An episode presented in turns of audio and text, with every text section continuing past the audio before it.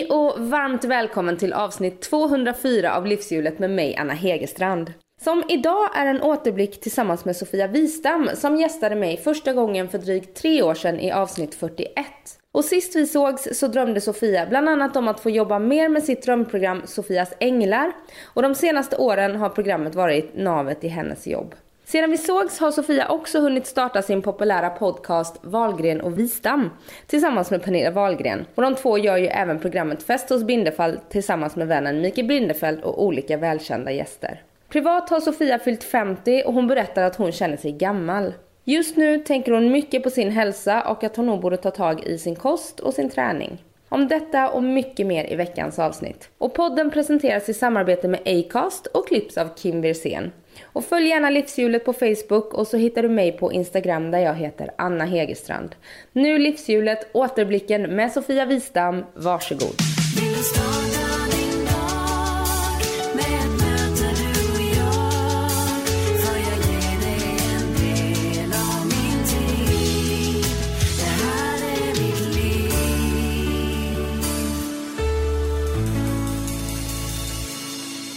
Då är vi igång. Let's go! Let's go! Ja. Då har vi äntligen hittat ett rum Ja, här. känns bra. Mm.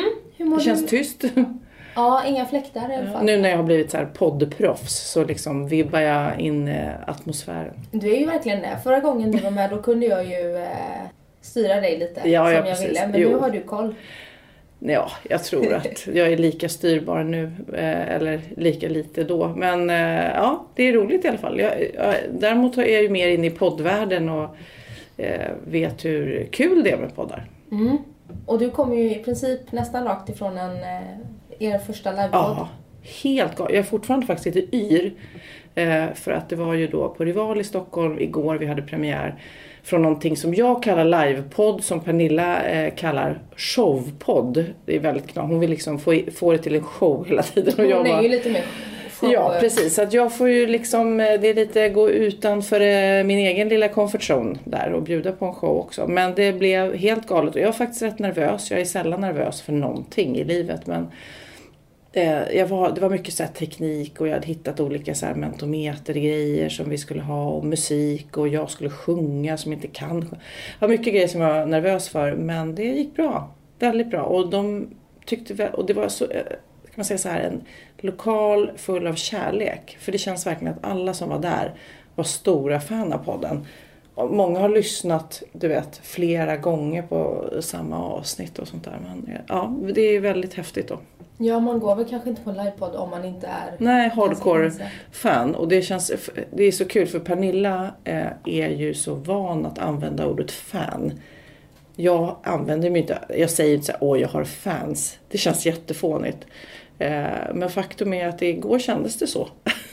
Men det kan inte vara första gången som du känner att du har fans? Jag tänker Nej, så för ja, propptiden. ja, fast jag tror, inte, jag, tänk, jag tror att det kanske är lättare för artister som sjunger att tänka i banorna fans och skriva autografer och sånt där. Jag har skrivit massor med autografer mina dagar och tagit eh, idolbilder och sådär. Men ändå så känns det ju mer som, det är mer igenkänning. Jag vet inte. Jag, vet inte. jag tycker det är jobbigt att använda ordet fan.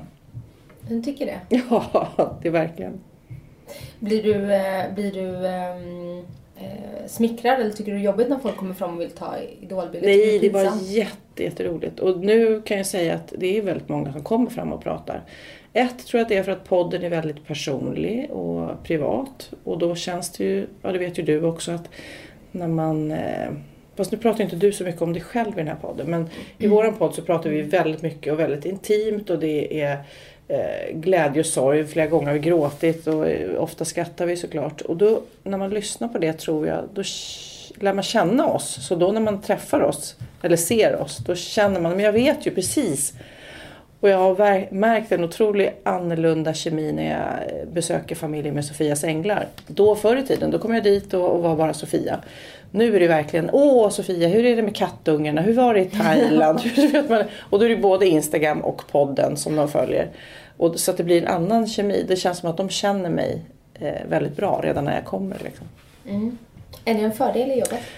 Jag tror det. Eh, För just Sofias änglar är ju att vi dundrar in i deras hem och de ska eh, ge oss deras liv och en sorglig deras, av deras liv liksom, och berätta om. Och då känns det som att eh, det känns bra tror jag för dem att veta vem jag är och att de litar på mig. Att de känner att jag är en bra människa liksom, förhoppningsvis. Mm. Så att jag tror nog att det är en fördel.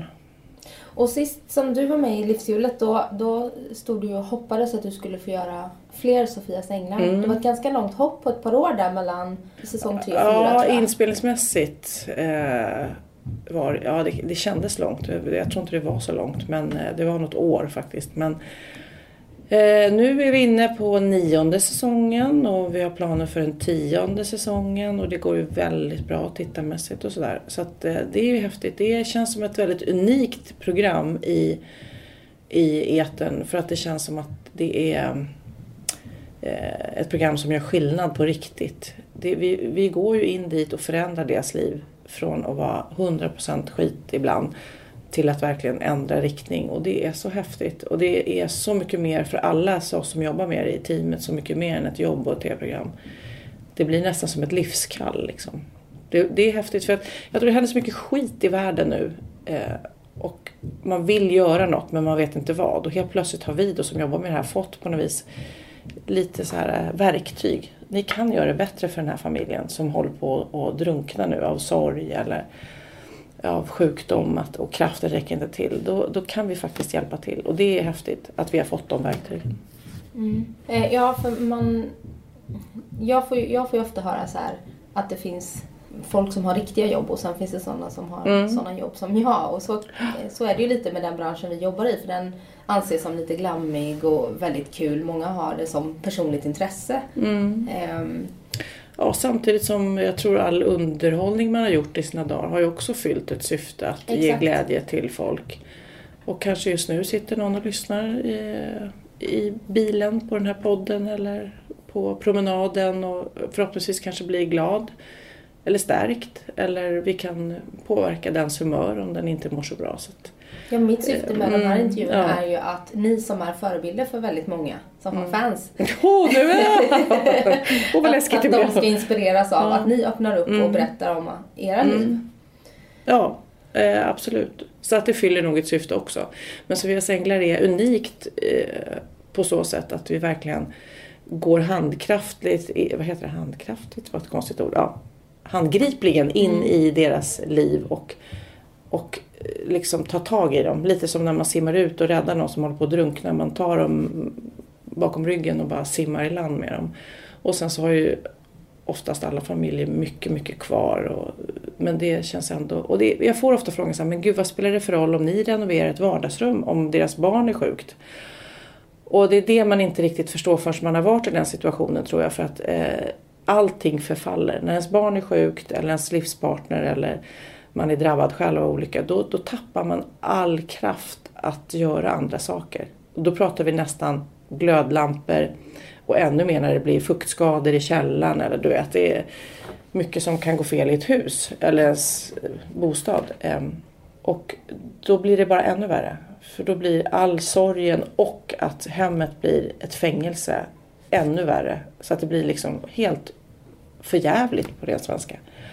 Eh, och ofta när det är handikapp inblandade så är det svårt att få handikappanpassning och livet blir otroligt, otroligt eh, krävande av en. Och så kan vi komma och styra upp det. Och tror jag, vi är som en enda stor cirkus. Hela det där fantastiska teamet är som en cirkus som är väldigt glada, peppande. Man pratar om sin sorg, man gråter och sen när vi är, åker därifrån så har ändå folk fått otroligt mycket positivt att tänka på. Hur påverkas du av att eh, jobba med, för det är ganska tunga eh, mm. inspelningsperioder kan jag tänka. Jag påverkas eh, på så sätt mycket att jag längtar hem ofta. Jag är ofta på resande fot, jag har många resdagar. Och det är nästan, man ska säga, vad är jobbigast med att göra, om man nu bortser från allt det roliga, det är ju att man är borta från familjen. Mer än vad man vill. Man vill ju ha en rutin och vardag hemma med barnen och så. Det är svårt att ha och med rutiner kommer också träning och kost. Och öh, du vet, man sitter och äter delicatobollar i en byggbod för ja, det är så mycket väntan. Men eh, det är väldigt krävande. Eh, familjerna, att komma nära, är det eh, vissa saker som påverkar en mer än annat såklart. När man kan relatera lite till sig själv. Och jag vet förra veckan var vi hos en familj där en liten tjej i familjen skulle hämta posten. Hon fick inte hämta posten men hon gjorde det ändå och springer ut och tappar kuvertet som blåser ut i vägen och hon blir påkörd. Du vet, och det, då blir det ju så otroligt lätt att identifiera sig själv. Hur mycket har man inte tjatat på sina barn? Spring inte ut i vägen, du får inte gå ut i vägen. Men akta övergångsstället, du vet, bla bla bla. Och då blir man så herregud. Och de här stackars föräldrarna som har en sån megasorg. Och Hon dör. hon dör. Mm.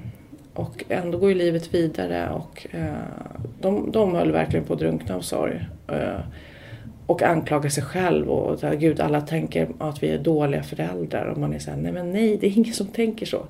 Det där är ju liksom någonting, det är ju varje förälders mardröm men vi kan inte göra mer än att tjata och tjata och hålla koll och hålla koll. Och sen så kan alltid det där hända tyvärr, liksom olyckan, sekunden som förändrar allt. Det som jag sa till dig tidigare att sen jag blev mamma, jag kan inte, kan inte se sådana här program. eh, det är många som, som väljer att inte se. Och jag, det är ju all respekt, folk gör som de vill. Men jag vill bara att de ska förstå att man kan också se det här som ett program för om starka människor. Det är ju människor som faktiskt klarar av det som vi inte tror att vi skulle klara av. De visar ju att man kan gå vidare när man har förlorat ett barn. Eller man kan gå vidare när man hamnar i rullstol. Så vi träffar ju otroligt många häftiga människor på så sätt som, som verkligen är förebilder. Och sen så eh, som en kontrast till det här programmet då, så gör ni också fest hos Bindefeld. Mm. Ja. Där allt bara är härligt, eh, Vackert. roliga samtal, Ja. vackert, Mm. otroligt vackert. Ja ja, det har ju snart premiär och eh, det spelade vi in eh, förra sommaren så att det var ju ett tag sedan nu. Men det var ju andra säsongen vi spelade in och som ska gå nu och den är ju precis som första säsongen. Otroligt, otroligt vacker. Vi är i Mickes trädgård och det är fantastisk mat, det är fantastiska gäster. Eh, svenska sommaren visade verkligen sin bästa sida så att nej, det var väldigt, väldigt härligt. Mm. Och då är ju, för jag eh, har ju träffat både dig och Pernilla och, och Mikael flera Mm. gånger. Mm. Ni känns så sjukt olika som personer. Ja. Och ni har ju varit kompisar jättelänge, Ja. allihopa. Nej, vi är väldigt olika. Och även jag och Pernilla som alla förknippar med varandra nu sen vi poddar och så. Men ni var inte så bra kompisar innan podden. Nej, vi var ju liksom mer bekanta skulle jag säga. Ja. Vi sprang på varandra under årens lopp. Vi visade och pratade om det i den här livepodden igår. Vårt första möte var på en reklamfilm när jag var 18 och hon 16. Eh, så att eh, det har hänt lite sen dess. Men eh, sen podden så har ju vi lärt känna varandra tajt men vi är fortfarande som du säger rätt olika. Det är ju inte alls... Och sen så har jag blivit lite mer kanske struktur i vårat samarbete eftersom hon är väldigt virrig. du tvingades ta den. Eh, Ja, jag tvingades ta den. Lite så här som när alla är rädda för ormar så är det den som är minst rädd för orm som är tvungen att ta ut ormen ur huset liksom. De säger att man möter olika personer i livet för att man ska lära sig Ja. någonting. Ja, här, och hon, men hon är fantastisk. Eh, men ja, och eh, Mikael är också fantastisk och hans brinnande passion för både mat och trädgård är ju så fascinerande. Och jag har ju inget av det faktiskt. Pernilla är ju väldigt passionerad för mat. Hur hamnade du med i... Eh, Ja, men jag tror att det var podden och konstellationen för att vi har ju eh, många som gillar oss och skrattar mycket åt oss. Och då ville de föra ihop Mickes eh, underbara intressen och eh, vårt skratt, typ, tror jag. Och jag är ju väldigt intervjudriven och tv-van.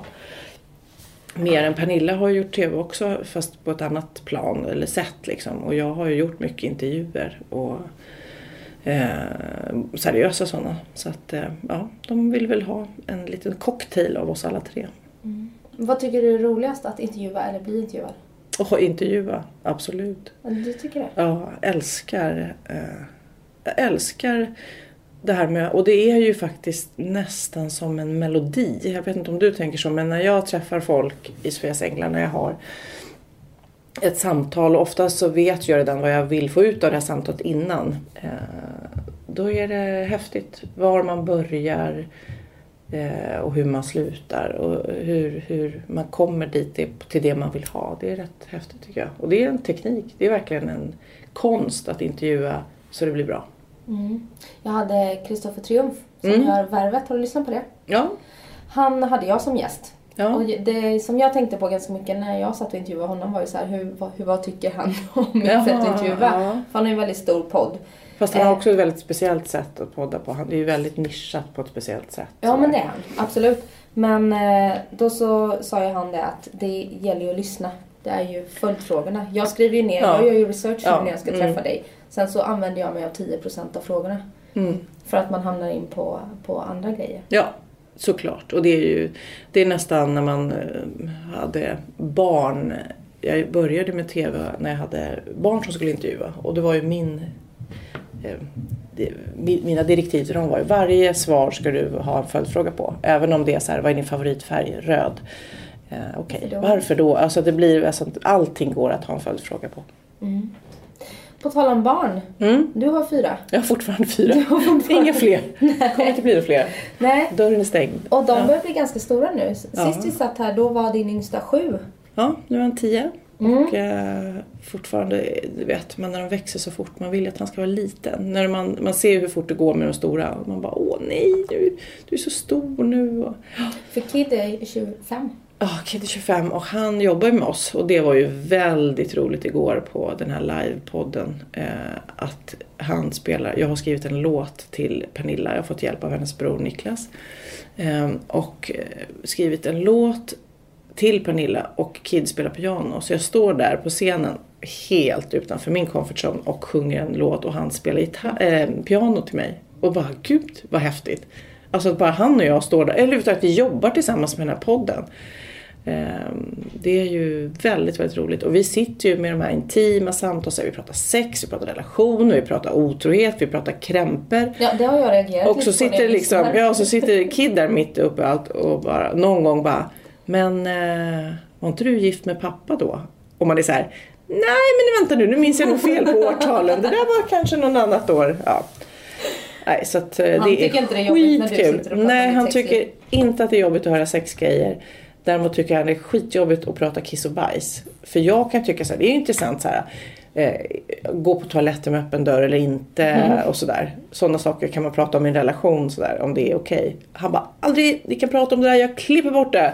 Det kommer inte vara med du vet. Och vi får många eh, mail också med så här pinsamma historier. Det hände då, jag kissar på mig där. Eller så här. Han bara, aldrig! Det är laddat för honom tydligen. Och han har ju lite så här final cut. Han tar ju bort vissa saker. Ja, okej. Det står inskrivet i hans arbetsbeskrivning. Ja, precis. Du har final cut. Vad skulle du säga ehm, är skillnaden nu när barnen håller på att bli större? Hur ändras livet i Åh, jag tror inte jag skulle kunna jobba som jag gör nu om barnen hade varit små. Såklart. Jag har haft väldigt friska barn sådär. De har inte varit eh, så mycket småbarnssjuka heller sådär. Förkylda och influensa och vattkoppor och allt vad det är. Enkla barn så. Men det stora skillnaden är väl att det är roligare. Älskar stora barn. Alltså det ultimata. Det, du har ju nyligen fått barn vet jag. Men alltså det ultimata är vuxna barn. Det är väldigt eh, svårt att se det på vägen. För att det är som att eh, den som skapade människan har lagt in så att man ska uppskatta varje grej för att inte man ska kasta bort dem bara för att det är så jobbigt du vet. Ja, och så blir det ju roligare och roligare. Ja, och så roligare och roligare. Så du vet, åh, det är så kul när den går eller när hen pratar eller skrattar och så här. Men sen när de är utcheckade och man har gjort förhoppningsvis ett bra jobb. Det är då hela liksom efterrätten kommer. Det är väldigt häftigt med Kid att han bidrar med sitt liv. Förstår du? Det blir som att man har en väldigt nära vän som kommer med Det här är min tjej. Eller det här är mitt band i hans fall. Eh, och man får vara med och, och se det livet också. Och sen när man har många barn då, får man ju, kommer man ju uppleva det här flera gånger. Liksom, att de, de berikar ens liv med sitt liv. Liksom. Tror du för du har ju Fyra. två barn som är lite äldre Ja, och mm. så två barn som Ja. är lite yngre. ja. Tror du att eh, de äldre barnen och de yngre barnen skulle mm, beskriva dig som mamma eh, olika sen när de blir vuxna? Liksom? Ja, väldigt intressant Att, fråga. att, deras, att du har varit annorlunda? Eh, jag tror, om jag skulle gissa, att de skulle beskriva mig rätt likt. För jag har ju jobbat med samma saker hela tiden. Jag har jobbat väldigt mycket. Jag tror att när de pratar ut hos sina eh, psykologer när de blir stora så kommer de säkert säga att mamma var väldigt eh, eh, mycket borta. Eh, hon var väldigt rolig tror jag att de kommer säga. Eh, hon var väldigt intensiv när hon var hemma och eh, du vet. Men jag tror nog så har jag varit hela tiden. Och det, det låter som att jag skrattar bort och att jag är stolt över att jag är borta mycket. Men jag, har ett otroligt roligt jobb. Eh, så att det blir lätt att sugas in i det. Då tänker jag att en glad mamma är en bra mamma. Mm. Det finns inget dåligt samvete? Jo, det har vissa stunder så är det dåligt samvete. Jag hade någon nyligen så eh, var en av mina småkillar som eh, ringde och hade ont i handen och jag var hemma och han ramlade på fotbollen och jag var så åh, du vet, sluta nu, ta en Alvedon. Och sen skulle jag iväg nästa dag och Magnus var så här, ja men ska vi inte gå och kolla? Jag bara, nej, nej, gå till skolan bara. Jag måste till jobbet. Och sen så åker han med honom till sjukhuset och då hade han brutit handen då. Och då ringer han till mig och säger, och då sitter jag liksom på väg till jobbet och har stressat iväg och i princip skiter i honom att han har ont i handen. Och då bröt jag ihop. Och du vet, jag grät och grät. Och då grät jag ju inte för jag vet att det är ingen fara med en bruten hand. Men jag grät för att jag inte var där. Där en mamma ska vara när, när man har brutit en hand. Och allt det där efteråt liksom. Ja. Nej, och det var konstigt. Och du vet, mina arbetskollegor förstår ändå. För de är i samma situation med sin familj. Liksom. Mm. Vi är en väldigt tajt Sofias änglar-familj. Liksom. Ja, och det är svårt att vara mother of the year. All year around. Ja, absolut. Och jag försöker säga det liksom att det är ju... Sen så med ett sånt här jobb ofta har man ju, har ju ibland åtta veckors ledigt på sommaren sådär som ingen annan har. Alltså, men det, de tänker inte så. Det egentligen är det ju rutinerna och vardagen och lite varje kväll som är det bästa tror jag för familjer och, eller för barn under uppväxten om jag ska gissa. Att man liksom kan göra de där läxorna och kan följa upp hur, hur mår du och sådär. Och uppfostran liksom. Men nu har de ju tack och lov en bra pappa som hjälper mig med det där. Men det gäller ju liksom att vara där och, och sätta reglerna. Mm. Har ni en tydlig kommunikation du och Magnus om eh, hur det ska se ut hemma och Eh, nej, inte speciellt. ja, jag vet inte. Jag är väldigt städig av mig och vill ha jä- jäkla mycket ordning och reda. Jag tror på det här att om man har kaos inombords så måste man ha städat runt omkring sig. Mm. Och typ Magnus han är väldigt, eh, jag ska inte säga väldigt, men lite mer stökig än vad jag är. Eh, och det är för att han är väldigt lugn och harmonisk inombords tror jag. Vilket han är. Men eh, nej, det ser ofta kaosaktigt ut när jag kommer hem. Måste jag säga. Men nej, och sen så är han väldigt sträng med barnen tycker jag. Jag är ju väldigt mycket, men det är också när man är borta mycket då vill man så här skämma bort när man kommer hem. Så, äh spelar ingen roll om man kan väl äta godis alla dagar. Det behöver inte vara lördag eller du vet, ni kan vara uppe lite längre. Ja, det är lätt att man tallar på det där när man har dåligt samvete. Det låter som att ni är tvärt emot hur det såg ut hemma hos mig när jag var liten. Min Mm. pappa reste väldigt mycket. Mm. Kom hem med såna här fraktlådor, du vet med godis. Mm, Eh, även om det var onsdag. Och så Mm. var mamma den som var Mm. hemma och gjorde läxorna. Men pappa fick ju, blev ju alltid höjd till skyarna för han Mm. var ju den roliga trots Ja, att han var borta ja. mer.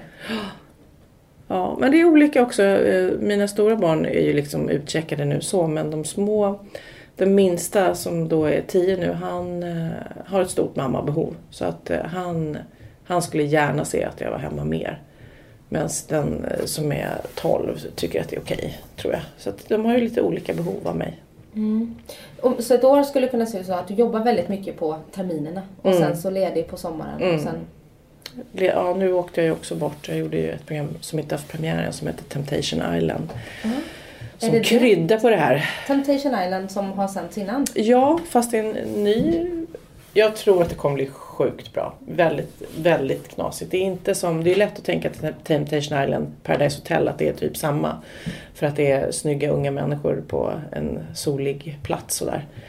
Fast det här blir ett väldigt socialt experiment. Eh, Det, det ska ju gå i höst då, men det är ju par som åker till där, till den där ön. Och de är jättekära och, sen, och vill verkligen vara ihop och har pratat med varandra om att nu gör vi det här i 24 dagar. Och så är de på två olika ställen Just det ja. med eh, andra så här, singla härliga människor. Varför gör man detta? Ja, Varför för att man ja, det är väl någon slags kombination av att man eh, vill prova på tv-grejen, tycker det verkar spännande och eh, att eh, se om det håller. Ska, pallar vi för det här innan vi skaffar barn eller flyttar ihop eller vad det är? Skulle du själv eh, vara med i ett sånt här Ja, men jag tror inte det skulle, nej, jag, det skulle Utan tv-kamera Ja, ja. Skulle du våga utsätta din egen relation för det här Ja, experimentet? vi säger så här. Innan jag hade spelat in programmet så skulle jag bara, men herregud hur svårt kan det vara? Ärligt talat, 24 dagar ifrån min man. Det, ja, men det är ju ändå liksom. I sol med alkohol. Men sen så blir det, det är... Nej, det är de då för att de får ju se små klipp hela tiden om vad som händer med deras. Och som man då liksom, om, ut, om man inte får någon förklaring vad som händer innan och efter så blir det väldigt svårt att tolka. Mm. Nej, så att, det blir eh, svartsjuka ja, som kommer in. det blir svartsjuka och gör han så, vad kan jag göra då? Liksom, ja. Mm. Så det är många, nej men det blir men jag var i alla fall borta i fem veckor eh, för att krydda på mitt, jag är inte hemma så mycket eh, i Thailand då var jag i fem veckor i november, december där. Ja, okej. Men annars, sen var vi lediga lite. Du, eh, du, du sa sist att du och Magnus skulle förnya era löften. Och, men du och Magnus, ni har varit gifta i drygt tio år och så läste jag att ni skulle förnya era eh, löften här i somras. Gjorde ni det? Ah, nej, vi gjorde inte det. Och det är framförallt en stor önskan från mig. Jag gillar att ha stora fester. Ehm, så att, eh, jag vet inte vad, det föll mellan stolarna. Vi ska göra det. Jag är inte, det är samma sak, jag firade min eh, 41-årsdag istället för min 40-årsdag. Så då trodde alla jag fyllde 40 för det hade jag en jättestor fest. Det blir, ja vi ska verkligen göra det. Men vi får se när det blir. Men jag, jag ser verkligen att det ska vara eh, samma gäster kanske och några mer eftersom vi har såklart lärt känna nya människor och sen ska det vara en stor, stor fest. Det behöver inte vara sittande och att folk ska hålla tal och sånt där men bara en stor bröllopsyra. Har ni gjort det än? Nej, det har vi inte. Det borde vi gjort. Däremot hade jag en 50-årsfest som hette duga som var just bröllopstema. Vi hade Just det, Villas wedding. Precis, så då bjöd vi in alla i bröllopskläder och det var vansinnigt kul. Så det blev liksom, och då, då kanske vi borde gift oss egentligen, vi två igen, men det, det blev inte så. Men väldigt många andra gifte sig, för då parade jag ihop alla, alla gäster fick gifta sig med andra. Vi hade en Elvis som vigde folk. Så, så att alla, när man kom dit som gäst så fick man, där ska du gifta dig med honom eller du ska gifta dig med henne. Och killar och tjejer och tjejer och tjejer och killar och killar, alla blandade. Det blev väldigt kul, man fick en ny partner för kvällen. Och hur var det att fylla 50? Eh, fylla 50 är eh, hemskt. Jag vill absolut, jag vill vara 25 eller 30. Jag vill inte vara 50. Det är bara låter gammalt, är gammalt. Just nu när jag känner att min kropp är helt misshandlad av att jag äter skit och eh, jag tränar ingenting just nu. Liksom. Jag har kommit ur spår. Så då känner man sig ännu äldre. Man måste in track igen. Men igår, nu återkommer till den här livepodden igen då, men då pratade vi just om lycka och ålder. Då frågade vi några av de äldre i publiken. Ja, för lycka har, säger de ingenting med ålder att göra utan tvärtom så kan man verkligen hitta en stor lycka i, i att vara äldre när man väl har kommit över de kritiska eh, momenten som kanske 50 är. Ja, jag tänkte precis säga det. Jag tror att jag blir lyckligare ju äldre jag blir. Ja. Eller jag blir... eh, eh, Man har ju ett helt annat lugn i sig själv nu och Ja. trygghet. Ja, man kan ju hoppas det. Jag tycker, ja fast jag... Jag vet inte. Jag, jag, just nu så sätter jag ihop liksom min kroppshälsa eh, väldigt mycket likställer jag med ålder. Och det är klart att det inte... Det finns ju de som är sjukt pigga och fysiska som 80-åringar, 90-åringar. Så jag måste bara komma i, i form igen tror jag för att känna mig glad i min ålder. Men jag tycker 50 är en jäkligt osexig siffra. Men det tyckte man ju med 40 också. Så det är bara liksom att man ska bara gilla läget på något vis. 40 är ju nya 30, då måste ju 50 vara nya 40. ja, precis. Men framförallt så, så det var någon kompis som sa till mig när man håller på och klagar på sin kropp och sitt utseende. Ja, ja, men tänk när du då är 60 och tittar på bilder hur du ser ut nu. Då kommer du tycka shit vad fin du är. Alltså man måste ju försöka uppskatta sitt nu, sin nuvarande kropp och utseende. Har du någon plan då för hur du ska må bättre i din kropp? Ah, Plan är ju, eh, det är så roligt, jag pratade med någon kompis om det också. För det finns ju inget som man inte vet. Alltså man vet vad man ska äta, man vet vad man ska dricka, man vet hur man ska röra sig fysiskt, man vet hur man ska sova, allt det där. Varför gör man det inte då liksom? Eh, så att det är bara att styra upp det. Och jag... Eh, styra upp det gör man ju oftast med rutiner. Det är det. Egentligen, jag älskar de tider på året när jag har så här tennis på fredagar. Till exempel, som jag älskar tennis. Att det ska vara så här, då, då gör man det. Då formar man allt annat. Alla andra rutiner formar ju man ju efter det då. Så att eh, rutiner och eh, äta bra, äta bra, äta bra. Och så har jag också hela typ Magnus och hela min familj sportar väldigt mycket och äter väldigt nyttigt. Så egentligen ska jag bara ta följe på dem. Ja, du gled ju in här med en grön juice. Ja, gröna juicer. Jag älskar gröna juicer.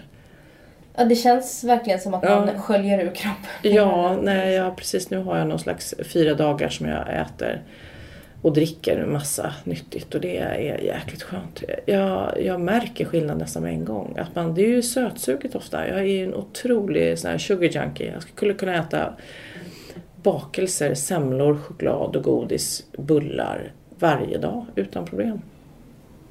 Är du en allt eller inget så att om du måste hålla dig Mm. ifrån det? Så är jag, precis så är jag. Och när jag väl bestämmer mig så... Men det, är- det, det är kanske det som kommer med åldern. Det är svårare att bestämma sig. Man tycker man unnas lite grann mer. Än, för nu är det inte lika viktigt kanske. För man inser att jag kommer inte se ut som jag när jag var 25. Eh, Inte för jag... Jo, jo jag var jättefin när jag var 25. jag bara tänkte dissa mig själv som nej, jag var fin då. Ja. Och sist för tre år sedan då ni sågs, då, då kom du direkt från en tennismatch med enorm tennisarmbåge. Ja. Och du hade skitont. Ja. Hur mår du idag? Ja, men jag har då spelat tennis precis så att jag eh, mår inte så bra. Eh, och då tänker du, vad då? Då borde du må toppen. Men det är så att jag håller på att kämpa med en tennisarm och jag är så envis att jag spelar fast jag har jätteont. Det gör riktigt jätteont och då tar jag ändå så här eh, Voltaren och använder Voltarenkrämer och skydd och allt vad det är. Och sen har jag provat att hålla upp jättelänge men eh, nu trotsar jag det och spelar och det är så kul. Det är så fruktansvärt kul med tennis. Så att jag, eh, just efteråt nu så har jag lite ont. Ja, okej. Som jag. Men känns det under tiden? Om det gör. Det gör det. Ja. Men det roliga jag vet att det är, och du vet min tennistränare, eh, du vet han bara säger du är galen. Men eh, jag, jag har provat att hålla upp och det går liksom inte bort. Och jag träffar folk hela tiden som har haft tennisarm eller musarm eller både och. och det kan ta år och då känner jag, eh, då får jag ha lite ont. Det gör mest ont just nu och sen så släpper det efter några dagar. Eh, är du bra? Ja, nu har jag inte spelat tennis på så att den är helt bra. Nej, jag eh, älskar det. Jag har inte provat padel än. Det har jag hört. Det är också sjukt roligt. Vad är Men det är eh, tydligen, jag har inte spelat det än. Det är som att man spelar, det är en blandning av tennis och squash nästan. Att man spelar mot väggarna. Eh, och eh, ja, det är en ny form som också är väldigt, väldigt roligt. Jag tror att man måste hitta lustfyllda sporter. Om det ska hålla, eller för mig som inte har det i sig. Liksom. Min man tränar ju hela tiden. Han, han är inte normal om han inte får träna. Och jag, hade någon sagt att du får en tablett här så slipper du träna. Så hade jag ju lätt tagit den tabletten. Och sluppit. Men sen så på, de här poddarna är ju fantastiska. Ljudböcker är också kul. Att man kommer ut och går. Då glömmer man ju bort att man sportar lite. Mm. Det är så man kan använda de här poddarna. Tycker jag. Men sist, eh, jag har, jag har eh, sett och kanske hört i din podd Mm, också mm. att du och din kompis Hanna Hedlund, Ja. eh, att ni körde något race. Var det i våras Ja, var det? vi har kört många race hon och jag. Vi bor ju rätt nära varandra och eh, hon är fantastisk. Och vi har ju under många, många år kört såna här tränings och kost och promenadgrejer så här. Det är väldigt kul att ha någon med sig liksom. Men eh, det krävs ju mer än korta insatser, det vet vi ju. När man ska förändra kroppen. Och det jobbiga är ju när man har varit superhärlig, ordentlig och stark i några månader så får man den där förkylningen som bara ja, då var man tillbaks igen liksom. Ja, jag tror ni känner igen er i detta. Men som sagt var, det är ju bara upp igen på hästen. Du, eh, jag undrar, har du gått i terapi någon gång? Nej, jag har aldrig gått i terapi.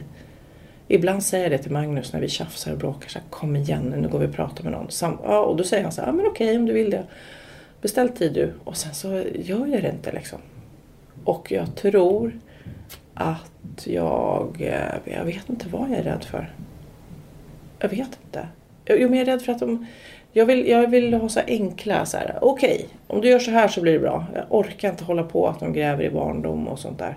Och det betyder inte att jag har en speciellt dålig barndom men en annorlunda barndom liksom. Och jag bara känner, ja jag fattar att vissa saker är så därför att så men eh, nej. Men parterapi, för jag går i parterapi Ja. nämligen. Och där, där är det ju precis så att de säger så här, hur känner du, hur känner du, hur kan vi lösa det här? Inte gräva tillbaka. Nej, och det det, är är, det skulle jag behöva. Det står på min to-do-list men jag vet inte varför jag liksom... Jag har till och med fått så namn rekommenderade. Det här är en person du kan ringa till. Just att gå jag och Magnus. För att, och det är jättebra mellan han och mig så. Det är därför man inte... Det är inget akut men det är det som känns är att det blir ju friktion när jag jobbar väldigt mycket. Han har också ett krävande jobb och vi har barn och vi har hus och ansvar. Och speciellt när man är ifrån varandra mycket på något vis, då utvecklas man lite på olika sätt och då skulle man nog behöva gå och prata om det. Och så ja. jättebra år innan man får en kris. Precis, det är det jag menar. Jag vill, ingen av oss äh, tänker nog att det är kris, skilja sig kris. Absolut inte. Men däremot äh, få lite mer respekt för varandra och se vad den andra gör. Äh, Magnus har hittat en app nu som han tipsade om som faktiskt var rätt bra. Först så lyssnade jag knappt när han pratade om den. Den heter Wunderlist. Mm. Och den typ, då skriver man, man kan vara hur många som helst, du och jag ska kunna ha en app och så skriver man upp bara eh, vad som behövs göras säger vi. Idag eller den här månaden, året, i hemmet eller så vidare. Då blir det punkter och så ska jag dela den här listan med då min man säger vi. Mm. Och sen när man har gjort den så kryssar man för. Då ser även, om det står så här köpa glödlampor så ser även Magnus då att ah, Sofia har köpt det, jag behöver inte tänka på det. Men den listan blir också lite skön för då kan man ibland sätta ord på att jag faktiskt gör sjukt mycket saker som inte den andra ser. Jag vet att min kompis har en och där är liksom hon tvättstuga, jag har vikt tvätten, jag har dammsugit, du vet sådana grejer. Mm. Ja, de står faktiskt där och han ser det och han ser att det bockas för. Och ehm, ja, för det är ju ibland det att man blir lite blind. Att den, faktiskt den andra partnern gör väldigt mycket. Jag tar för givet att eh, de här, den här återvinningen och tomglaset och allting, att Magnus bara sköter det. Det är inget, mm. jag säger inte så här, gud vad gulligt att du har gjort det, så jag slipper. Utan det är ju någonting jag bara tar för givet. Men eh, hur funkar det? Har ni då, om man tänker att du jobbar väldigt mycket, mm. om han kanske gör mer hemma, har ni gemensam ekonomi så att mm. ni delar på allt? För då blir ju allt arbete och alla pengar Ja, jo så är det. Liksom. Men det är ju, han tar ju absolut större del hemma än vad jag gör. Eh, under perioder skulle jag säga. Men han har ju också ett krävande jobb så att det blir lite trolla. Och vi har en tjej som kommer, en läxhjälptjej sådär. För man vill ju inte att skolan ska hamna mellan stolarna liksom. Så att läxhjälp och lite skjuts till träningar har vi hjälp med. Ja, och sen så har vi gemensam ekonomi. Men det är också så här, han är väldigt ekonomisk och jag är lite mer så här, nej men nu reser vi eller nu, jag är lite mer, äsch vi har ju pengar nu. Mm. Mm. Lev för dagen. Ja, lite. Hur kompromissar ni där då? Ja, vi har sagt någon deal att kostar det eh, under 500 kronor så behöver jag inte säga någonting. det är inte så här, ja, jag måste berätta om jag köper nya skor och sådär. Men eh, stora inköp vill han verkligen gå igenom först. Mm. Det är lite ovant för jag, vi gillar ju impulsköpa saker. För köpa på öppet köp. Men nu jobbar jag så mycket. Ja. Jag jobbar så mycket nu så jag hinner inte shoppa. Jag är så här, varje gång jag är i stan så är jag så här, oh, du vet, jag får så här hetshandla för att jag känner att det är så lyxigt att vara i stan. Mm. Du, du sa att du hade ingen dålig barndom, men du hade en annorlunda barndom. Mm. Sa du innan. Och sist du såg så sa du att jag köper så mycket leksaker nu mm. för att jag inte fick det i min barndom. Mm. Det är en liten egen tolkning kanske. Jag hade en pappa då som eh, eh, var väldigt speciell och jag har aldrig fått någon julklapp eller eh, födelsedagspresent eller sånt. Som, och inte att jag förväntar mig det då av min pappa. Eh, för, eftersom jag visste att han var sån. Eh, så jag tror, och nu har jag ju en stor fäbless för leksaker. Jag har ju en stor PS-samling. Den här, den här leksaken som spottar ut tabletter som man kan köpa. Den har jag eh, i en samling Men Jag har även Barbie-dockor och det låter som att jag är värsta, värsta hoarder-tanten här. Men nej, men jag samlar på mycket färgglatt. När det är färgglatt och i plast tycker jag att det är fint. Och då undrar alla varför och då tänker jag att det kanske var för att jag inte fick så mycket leksaker när jag var liten. Mm. Jag läste i en intervju att din pappa matade katten med dina fingertoppar. Mm. Ja, så kan det gå ibland. Nej men min pappa var ju väldigt extrem och eh, han eh, bodde på en ö eh, och eh, först bodde jag hos min mamma men sen när jag flyttade till min pappa eh, så det var en gammal affär så vi hade kvar alla affärsmaskiner en mataffär, gammal mataffär som vi bodde i.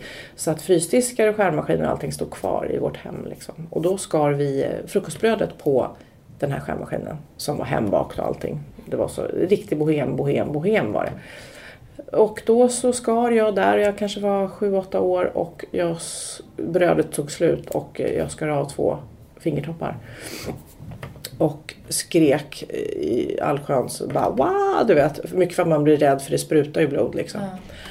Och då kom eh, min styrmamma och så kom min pappa och då blev det diskussion och sen till slut så sa min styrmamma då att nej men nu måste vi åka till sjukhus och kolla om vi ska, man kanske ska sy fast topparna liksom. Ja, hur mycket topp var det? Nej men det var liksom in till benet liksom. Så nu har, ligger Hur ser det ut nu? Alla, ja men det, ja, det, syns, det, syns, det är platt och nerverna ligger liksom utanpå så det är väldigt känsligt. de här. Men då sa min pappa då, det var då han sa det där. Nej men det går inte för jag matar katten med dem. Då har han liksom tagit fingertopparna och slängt ner till katten direkt när han upptäcker det här. Så var det med det. Lever din pappa idag? Nej, han gick bort för, vad var det, två år sedan. Det var väldigt eh, sorgligt. Och väldigt knasigt att bli av med en förälder sådär. Eh, för att eh, man har ju något behov av dem. Även fast man inte möts och träffas varje dag och pratar så, så har man ett behov av att föräldrar ska finnas där.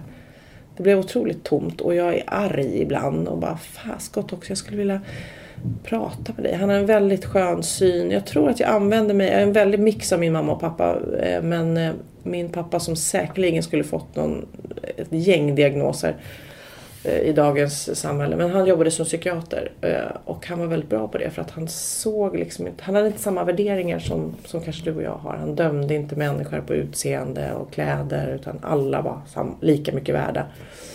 Han jobbar mycket med uteliggare och sånt där. Och när han träffade en uteliggare eller om han skulle träffa dig så skulle så, han på riktigt såg inte skillnaden. För han bara bedömde människan alltså. Och det är en extremt häftig egenskap som jag inte har. Men däremot så, så har jag lite av det i mig liksom att jag är väldigt fördomsfri, väldigt chosefri sådär. Och det tror jag är, det är, det är stolt att över den egenskapen som jag tror jag har fått av honom. Tror du, eh, du talar om diagnoser. Mm. Tror du att du själv har någon diagnos? Jag har tänkt på det för jag har halvsyskon då, min pappas andra barn eh, har diagnoser kan jag säga. Och deras barn, det är ju väldigt ärftligt sådär. Asperger tänker jag på mest. Kanske lite ADHD, Asperger, det är ju ofta en cocktail man har. Jag vet inte, något har jag säkert. Eller så är det eh, upp, att jag är socialt ärvt det liksom. Men jag har ju extremt kort eh, koncentrationsspann.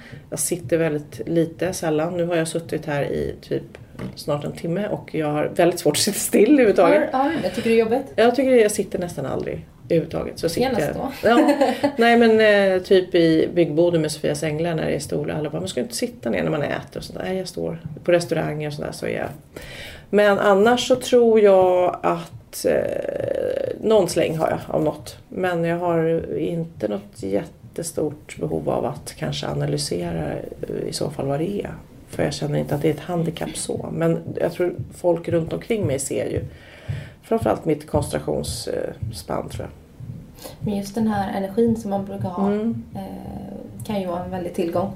Om man kan. Definitivt. Och jag är ju också väldigt, eh, lever väldigt mycket i nuet och ältar inte. Så att jag är väldigt eh, lättsam sådär. Jag får sällan, jag får inga depressioner eller går in eller går in i väggen utan jag bara flyger ovanpå på något vis.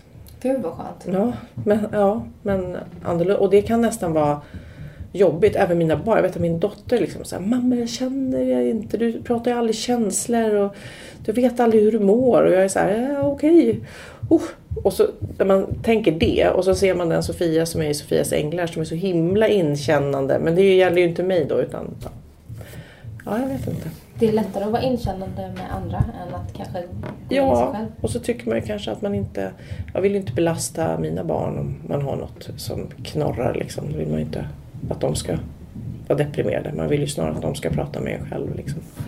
Då får man ringa en terapeut. Ja, just det, så var det. Fan alltså. Hoppas när vi ses om tre år. Då, då ska jag sitta här och bara... Jo, nej, jag ringde ju den där parterapeuten och det var så himla bra och vi är så himla lyckliga nu. Och eh, ja, som du ser, nu ska jag tävla i Miss Fitness för min kropp är ju så vältränad nu så att folk går ju fram till mig på stan och säger wow. Du sitter där med en tank grön juice och bara häller. Precis, du ser så stark och ung och snygg ut. Nej men vad har du om eh, du skulle liksom eh, finjustera någonting i ditt liv? Vad skulle det vara då? Oj. Eller Eh, som- som lära, också mig säga, ja, men lära mig säga lite mer nej för att jag säger ja. Jag är ju en otrolig ja-sägare. Är det roligt så säger jag ja. Ehm, Jag skulle vilja lära mig ibland att faktiskt säga nej så att jag eh, Det var mitt nyårslöfte inom citationstecken att man prioriterar bättre allt man har att göra i livet. Eh, träna, äta bra, vara med familjen mer och få till det som jag verkligen, verkligen saknar det är att festa. alltså jag älskar ju så lite patetiskt men jag älskar ju att stå på krogen och vara lite full och dansa och sånt där. Det är helt borta. Det finns inte i mitt liv. Var det i år på Elgalan eller förra året på Elgalan som du festade till? Ja, det var nog förra året då. För att, och Pernilla Smeds. Det, det, var förra året för att jag, jag kom, det var det. Alla sådana här, det är premiär och det är fester och jag är ju på inspelning hela tiden. Så det är ett av dem. Och det låter ju sjukt patetiskt att man saknar det. Men det är bara det här Ja, det, det ger något i livet. Att det, eller ja, de som lyssnar nu kanske bor ute i landet och kanske inte går på lokal. Men att festa med kompisar, hemmafester är också roligt. Att man liksom bara får släppa kontrollen lite grann. Det saknar jag. Mm. Och vad har du för relation till alkohol? Eh, alkohol tycker jag är gott. Nej, nu ljuger jag faktiskt. Jag tycker bara om eh, mousserande. Gärna champagne men även cava och prosecco. Och eh, ren sprit. Jag gillar vodka. Men jag dricker inte rödvin och vitt vin annars. Är du den åsikten att eh, om du vill dricka så är det för att eh, känna ruset, du förstår vad jag menar? Eh, eller skulle du kunna ta ett glas kava till maten för att det är gott? Eh, både och. Mm. Jag tror så. Jag kan dricka lite kava till maten. Eh, men när jag dricker drinkar så vill jag gärna känna av det. Eh, jag dricker sällan mycket men däremot ja, men jag kan vara så här, om jag går ut en kväll så dricker jag två drinkar.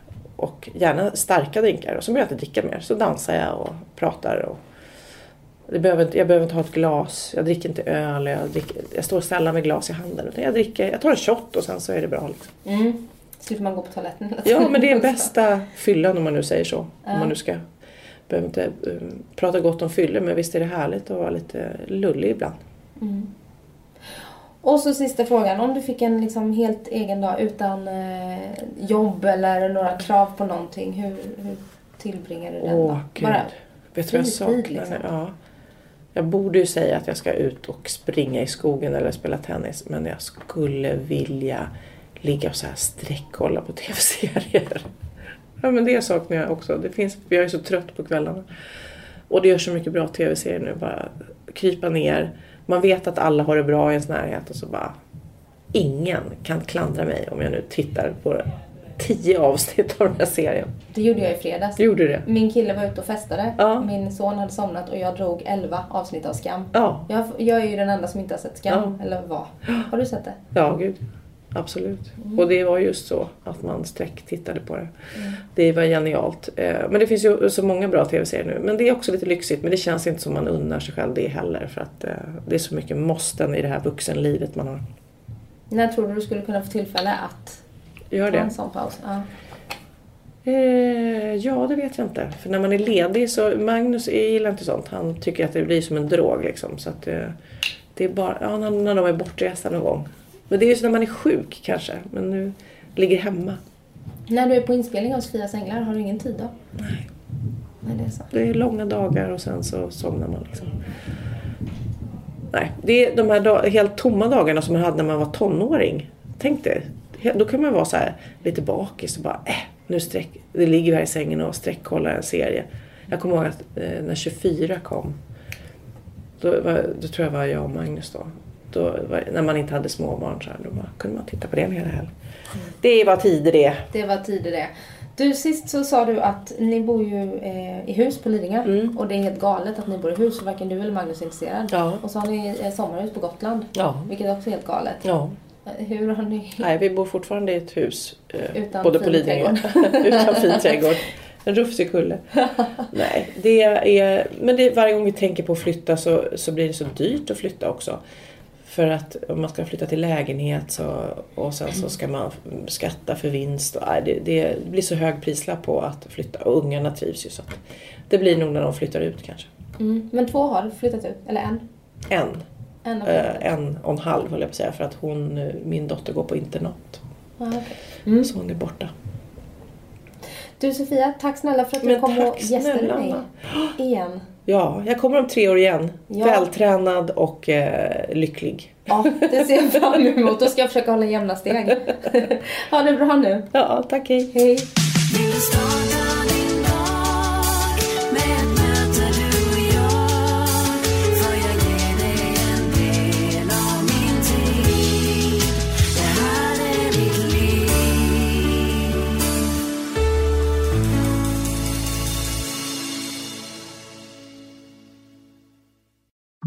Hedvigs hemförsäkring är du skyddad från golv till tak oavsett om det gäller större skador eller mindre olyckor. Digital försäkring med personlig service, smidig hjälp och alltid utan bindningstid. Skaffa Hedvig så hjälper vi dig att säga upp din gamla försäkring. Hedvig hemförsäkring, ett klick bort.